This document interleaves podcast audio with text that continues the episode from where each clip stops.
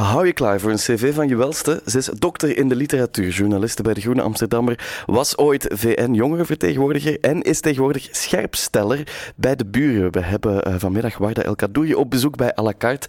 Wat een scherpsteller juist doet, ik heb eigenlijk geen idee, maar je komt het nu te weten. À la carte. Met Robbe Petitjean en Melina Verbeek. En met Warda El Kadouri. Goedemiddag. Welkom in à la carte. Ja, dat moet mijn eerste vraag worden. Hè. Wat doet een scherpsteller? Wat is dat, Warda? Ja, het is eigenlijk een, een nieuwe titel, een nieuwe benoeming. En um, de bedoeling is, zoals het woord zelf zegt, dat je eigenlijk debatten uh, op scherp gaat stellen. Um, dus het is een titel voor een, uh, voor een opkomende kritische denker, voor een jong talent, die graag het debat op scherp stelt. Um, en dat is uh, wat ik wat ik hoop te doen de ja. komende jaren. En waarom heb je daar ja op gezegd? Want je hebt die vraag gekregen van de buren en ja. van Pillar mm -hmm. hier in Brussel. En, en, waarom heb je gezegd, oh ja, het is goed, ik wil dat wel doen? Um, de afgelopen jaren, eigenlijk sinds ik VN jongerenvertegenwoordiger ben, um, heb ik me beginnen mengen in het publieke debat. Uh, en dat ging ook via columns bij Mo bijvoorbeeld. En dat die vraag er kwam van, ja, we willen je graag nomineren als scherpsteller voelde voor mij eigenlijk als een hele, een hele eer en ook een soort van erkenning voor uh, mijn bijdrage aan het publieke debat. En wat ik er ook heel fijn aan vond, is dat het een benoeming was voor echt nog een opkomend jong iemand en niet voor iemand die al gevestigd was. Um, waardoor dat de, de, de partners mij ook begeleiden in mijn ontwikkeling om uh, ja, een kritische denker ook nog beter kritische ja, denker te worden. Dus ze, ze stellen jou dan ook nog een beetje scherp. Ja, ah, ja, ja dat, is mooi, dat is mooi. En ben je eigenlijk altijd een kritische wijsneus geweest, als ik het even uh, oneerbiedig stel? Um, ja, stiekem wel. Ik denk, ik was als jong kind altijd al uh, heel nieuwsgierig en, en heel kritisch over heel veel zaken. Ik, ik wilde niet ik wilde niet altijd een antwoord op het wat, maar ik was dat irritante kind die altijd ook zei waarom, waarom, waarom. waarom, waarom ja. ja, en dat is, uh, dat is er nooit helemaal uitgegaan. Um, ik was ook iemand die altijd met, uh, met mijn neus in de boeken zat en ja, over altijd alles eigenlijk vragen stelde. Ja, je hebt af en toe wel naar je hoofd geslingerd gekregen, bedweter. Ja, vooral van mij. Ja, als, als je dat zou zeggen aan mijn, aan mijn zus of aan mijn broer, ze zouden het, uh, zouden het inderdaad zeggen. Ja, Twitter, of, ja maar je kan het ook als een geuzennaam dragen. Hè? ja, uh, maar je geeft volgende week maandag als scherpsteller een, een lezing, een keynote over um, systeemfouten in onze maatschappij. Wat bedoel je met systeemfouten?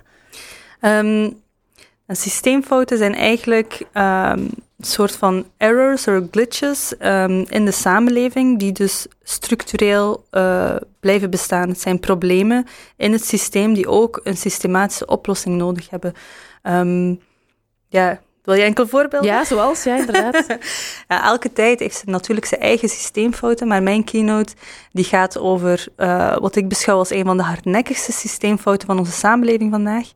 Uh, en dat is hoe we er niet in slagen om, om echt samen te leven. Uh, dus ik heb het ook bewust uh, de lezing superdiversiteit willen noemen en niet multiculturele ja. samenleving. Want ik vind dat daar al heel wat negatieve bijklank um, aan verbonden is. Um, dus ja, de vraag van ja, hoe komt het dat we die diversiteit niet als iets positiefs kunnen ervaren? Want jij ervaart dat zo dat het als niet positief in de maatschappij bekeken wordt. Ik denk dat, een, dat er nog steeds aanwijzingen zijn dat een groot deel uh, van de burgers uh, diversiteit als een bedreiging ziet. Ja, wel we zo een aantal zaken scherp stellen vandaag. Ja. Uh, of dat toch proberen natuurlijk. En reik je ja. ook oplossingen aan met je keynote? Of is het de bedoeling om vooral mensen kritisch te doen nadenken zelf? Nee, het is de bedoeling dat, dat ik ook wat oplossingen ga formuleren. Um, mogelijke oplossingen. Kijk, ik ga waarschijnlijk niet de oplossing hebben voor zo'n complex probleem. Maar ik heb wel geprobeerd om daar uh, positief over na te denken. Van ja, hoe zouden we dat dan wel kunnen doen? Ja. Ik denk dat dat ook belangrijk is om, om altijd ook wel perspectief te bieden.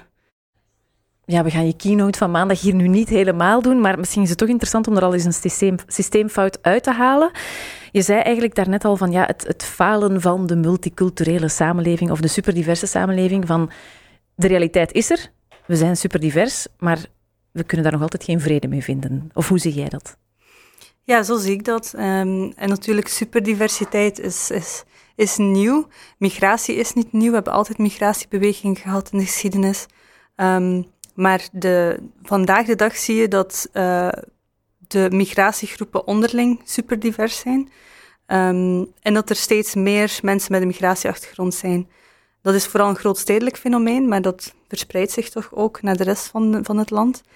Ehm, en dat brengt natuurlijk ook wel ergens frictie met zich mee, want je hebt plots uh, mensen met een, met een andere, um, ander perspectief op, op, op de zaken die we als normaal beschouwen, als de norm, als uh, alledaags.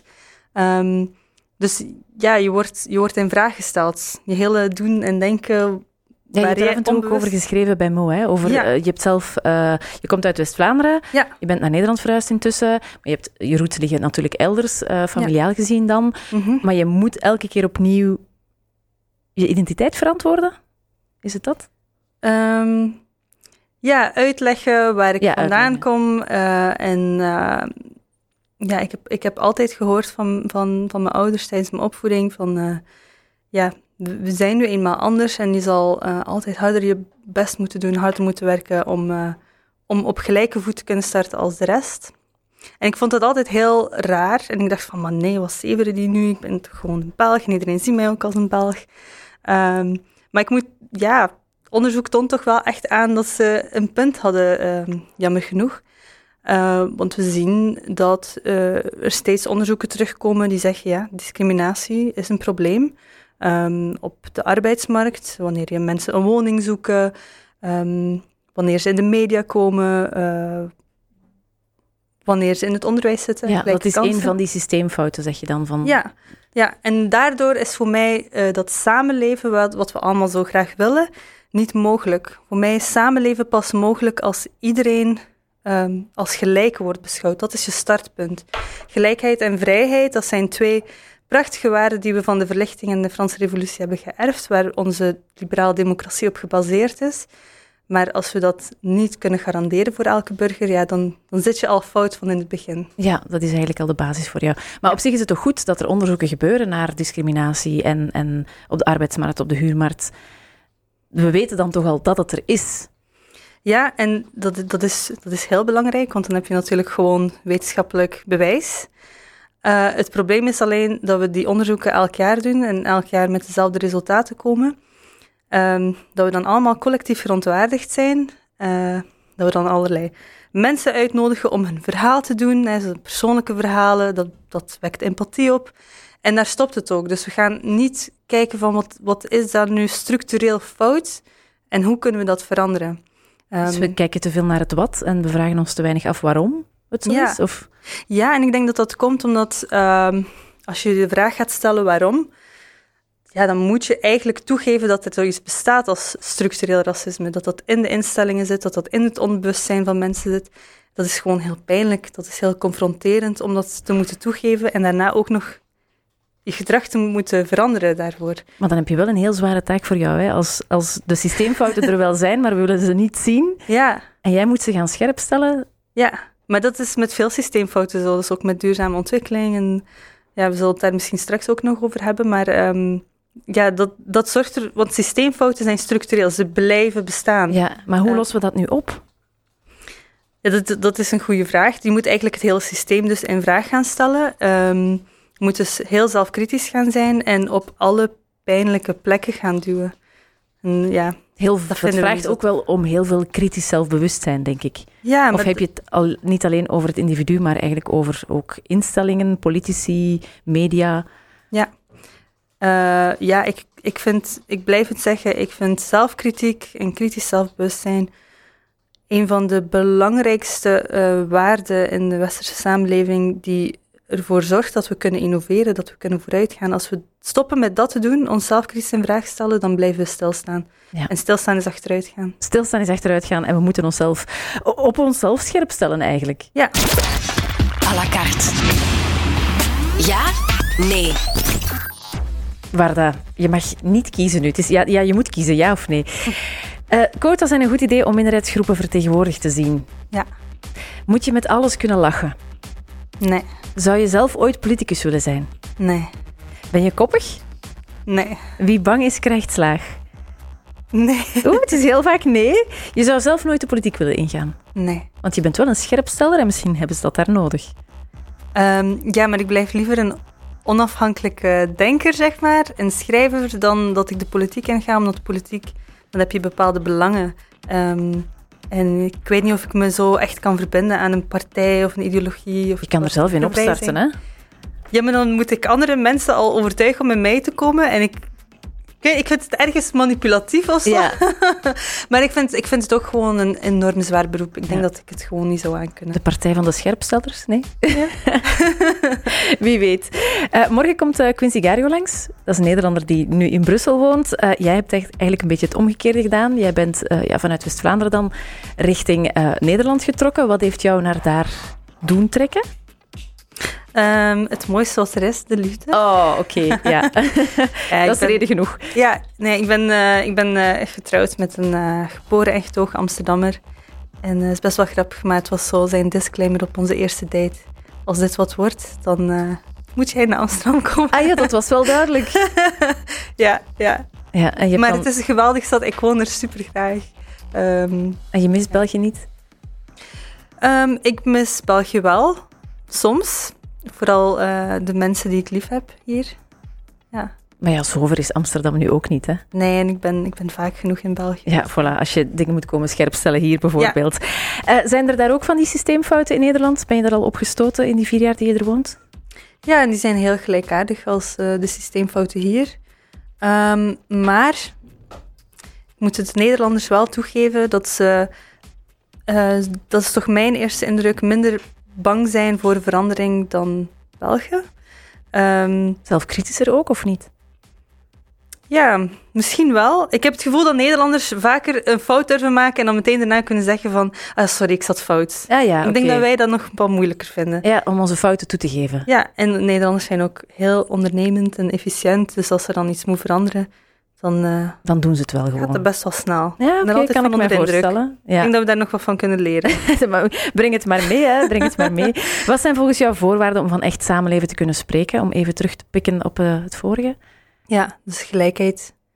Ehm, gelijkwaardigheid tussen, tussen individuen in uw maatschappij. Dus dat, eh, dat, dat jij en ik gewoon op dezelfde voet kunnen beginnen. Dat mannen en vrouwen en alles daartussenin op dezelfde voet kan beginnen.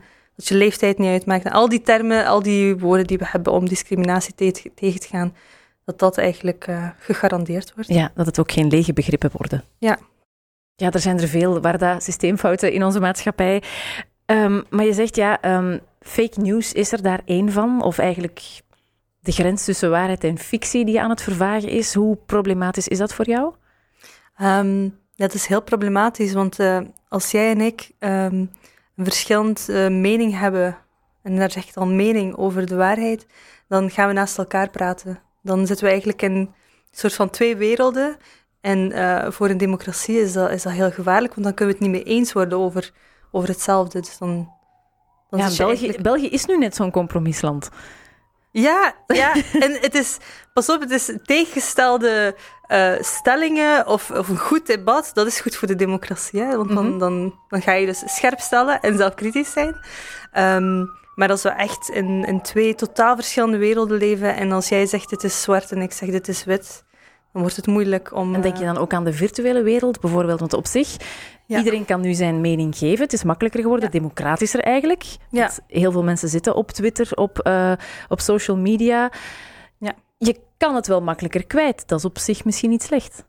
Nee, dat is waar. Sociale media heeft voor een enorme democratisering ge- gezorgd van, eh, van, van meningen. Maar het heeft er ook voor gezorgd dat je ehm, steeds sterker overtuigd wordt van je mening, omdat so- sociale media ook met bepaalde algoritmes werken. Je bubbel. Ja, waardoor dat je dus in die bubbel blijft en dus eh, ja, je mening wordt eigenlijk continu bevestigd. En dan ga je denken van, ah, iedereen denkt zo, eh, dus dat zal wel zo zijn. En dan, dan, dat wordt dan ook iets heel emotioneels. Als Heb je dat zelf al ervaren? Ehm, ja, en ik ben nu ook wel wat voorzichtiger met sociale media. Ik zit wat minder op Facebook. Ik ben weg van Twitter, want dat vind ik de, de plek waar meningen het hardst worden verdedigd. Ehm, dus ja, ik ben daar zelf ook wat voorzichtiger in geworden. En heb je Ja. zelf last gehad van Twitter-trollen? Ja, toch wel. Dat is ook een van de redenen waarom ik daarmee gestopt ben. Ehm, Maar je mist het niet, om daar je opinie te uiten. Nee, ik doe dat nu via andere kanalen waar mensen ehm, ja, met meer aandacht eh, gaan lezen en niet met de intentie van we gaan die nu een keer bashen. Ja, en kijk je dan bijvoorbeeld ook naar het onderwijs om ja, jongeren bijvoorbeeld zelf kritischer te maken, maar ook kritischer op ja, wat is een mening en wat is een feit? Want ik herinner mij dat dat leerstof was ooit. Hè? Van, Ja. Haal uit een tekst de feiten en de meningen en, en geef dan aan waarom. Maar dat gebeurt toch nu ook nog wel, hoop ik. Ja, ik, ik hoop het ook. Ehm, alleen moeten we niet, niet te vaak eh, richting het onderwijs kijken om allerlei maatschappelijke problemen op te lossen. Ehm, ik denk dat het een, een ingesteldheid is die je als burger moet ontwikkelen en dat niet alleen onderwijs, maar ook eh, andere ehm, kanalen waar informatie vandaan komt, zoals media, eh, daar verantwoordelijk voor zijn. Dus je zegt eigenlijk, ja, het onderwijs kan maar een klein stukje oplossen. Ja, Oké. En wat met, ja, wat met volwassenen, wat met politici? Want als ik denk aan politici, is de, de norm misschien ook een beetje vervaagd van wat er fake news is. Of wat is nu eigenlijk fake news? Ja, ik vind het eh, fake news is, is eh, intentioneel, echt bewust misleidende informatie gaan verspreiden als echt, als waarheid. Ehm, en je ziet dat eh, inderdaad in de politiek is dat helemaal binnengeslopen. Ehm, dat is ook niet helemaal nieuw. Propaganda bestond altijd, maar nu zie je toch wel dat dat bijna beloond wordt. Dus nu zijn de machtigste figuren eh, in, in heel veel landen zijn, zijn mensen waar hun campagne op fake news is gebaseerd. Denk maar aan Trump. Ehm, en, en dat is heel problematisch, want als je politieke leiders ehm, kunnen liegen en daarmee kunnen wegkomen, ja, waarom zouden wij dat dan niet kunnen? Ja, maar we hebben toch ook wetenschappelijk onderzoek en we hebben toch cijfers. En wat, wat gebeurt er dan mee? Ja, je hebt bijvoorbeeld, eh, sommige media proberen dat dan te counteren met fact-check en zo. En eh, wetenschappelijk onderzoek is natuurlijk ook heel belangrijk. Maar ik heb het gevoel dat dat, dat, ehm, dat, dat, zo, dat zijn puur rationele argumenten. En dat nepnieuws, dat, is, dat, dat heeft een emotionele lading. Dat komt vanuit de onderbuik. En dat, ja, dat, eh, dat botst. Dus we zijn meer geneigd om al die emotionele info op te nemen dan het rationele. Ja, omdat we graag van omdat we graag gelijk krijgen. Dus als we een bepaalde mening hebben, dat wordt bevestigd door fake news, dan willen we dat veel liever geloven dan een eh, rapport die, zegt, eh, die het omgekeerde zegt. Ehm, een voorbeeld was eh, een lezing van Theo Frank vorig jaar, waarin hij zei 80 of 90 procent van alle asielzoekers dat zijn alleenstaande mannen. En ehm, natuurlijk is er dan een groep in de samenleving die zegt, zie je wel, en, maar dan komt Vidasiel en die zegt, nee, dat klopt niet, die cijfers. Dat is, de cijfers zijn zo, dat was veel lager natuurlijk.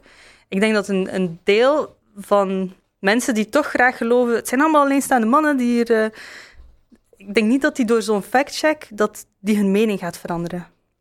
Het is eigenlijk heel, ja, best wel pessimistisch van mij, maar ik denk echt wel dat dat, dat, dat gebeurt. Ja. En hoe lossen we dat dan op? Zo'n systeemfout, want dat is nog niet zo evident. Nee, ik vind, hem, ik vind het zelf ook heel moeilijk. Ehm, maar die zelfkritiek komt terug. Dat is een houding die, die, die we moeten blijven hebben. En ja, zonder, zonder die zelfkritiek van, ja, eigenlijk wat voel ik precies? Van, wat gebeurt hier in mijn onderbuik? Waar komt het vandaan? Klopt dat wel? Als je dat zelf niet in vraag gaat stellen, ehm, dan, dan gaan we er niet komen, denk ik. Zelf factchecken. Ja, je moet zelf factchecken. Ja, Ja. ik heb eh, heel veel vrienden op Facebook die ik, die ik best wel vertrouw. En waar ik van denk van, jouw mening klopt. En die ik soms ook dingen delen waarvan ik denk, allee, lees dat dan eens. Mensen lezen alleen nog maar titels. Dat, is, dat vind ik echt. Het is anno Ja. 2020 heel makkelijk ook om eh, valse cijfers de wereld in te sturen. En eens gebeurt, blijft dat gewoon wat rondzweven op het internet. Gevaarlijke toestanden. Warda El Kadouri is nog steeds op bezoek in à la carte. 20 minuten praattijd was misschien wat weinig. Gelukkig komen er binnenkort momenten aan waarop je eh, de nieuwe scherpsteller van de buren aan het werk kan eh, horen. Ja, waar dat is waar. Er zijn zoveel systeemfouten. We zouden hier eh, nog een heel namiddag kunnen zitten. Wat ga je vandaag nog doen? Vandaag. Ik, ga, ik werk als journalist bij de Groen Amsterdammer en ik heb vanmiddag een interview nog staan met iemand voor Ah, ja. een eh, mooi verhaal die eraan komt. Dat lezen we binnenkort dan in de Groene Amsterdammer. Ja, ja. kan ook via internet. Hè? Ja. Ehm, maar volgende week is er dus die lezing over systeemfouten. Daar moeten we al zeker naartoe als we meer willen weten. En ook wat de mogelijke oplossingen zijn, want je mag meedenken. Waar kunnen we jou nog? Want je komt nog een aantal keer naar Brussel. Ja, ehm, op 26 april, als ik het goed heb, ben ik eh, weer in Brussel voor het Pilar Festival. En daar zullen we tijdens het Repair Dinner ehm, op zoek gaan naar oplossingen voor systeemfouten. Ah ja, En, dus eh, eerst ga je de systeemfouten benoemen. Ja. En daarna is er een repair dinner. Ja, en dan is Dat is ook nieuw, denk ik. Nog Ja, nooit dat is een gehoord. dinner met allemaal jonge mensen, jongeren. En dan gaan we eigenlijk tijdens dat tijdens het avondeten op zoek naar, naar oplossingen. En ik zal daar met jongeren in gesprek gaan over duurzame ontwikkeling. Dat is natuurlijk nog zo'n systeemfout. Ja, ja, ja, er zijn er nog veel, maar ik zeg het, we kunnen ze niet allemaal behandelen. Ehm, en je hebt ook nog een lunchlezing ja, bij de buren. Ja. Bij de buren. Dat is op 15 mei en dat gaat over uh, het gebrek aan diversiteit op uh, redacties en media. Uh, dus daar kan je ook um, langskomen en dan gaan we daar samen over in gesprek. Nog een andere systeemfout alweer. Ja, ja dan, dan ga je nog eens moeten terugkomen, denk ik. Warda, heel hard bedankt om tot hier te komen, tot in Brussel te komen voor uh, à la carte en nog veel succes. Ja, er wordt veel uh, gegeten de komende tijd, dus eten is altijd fijn. Repair dinner onder andere in uh, oh, ja. Pilar. Klinkt goed, klinkt goed.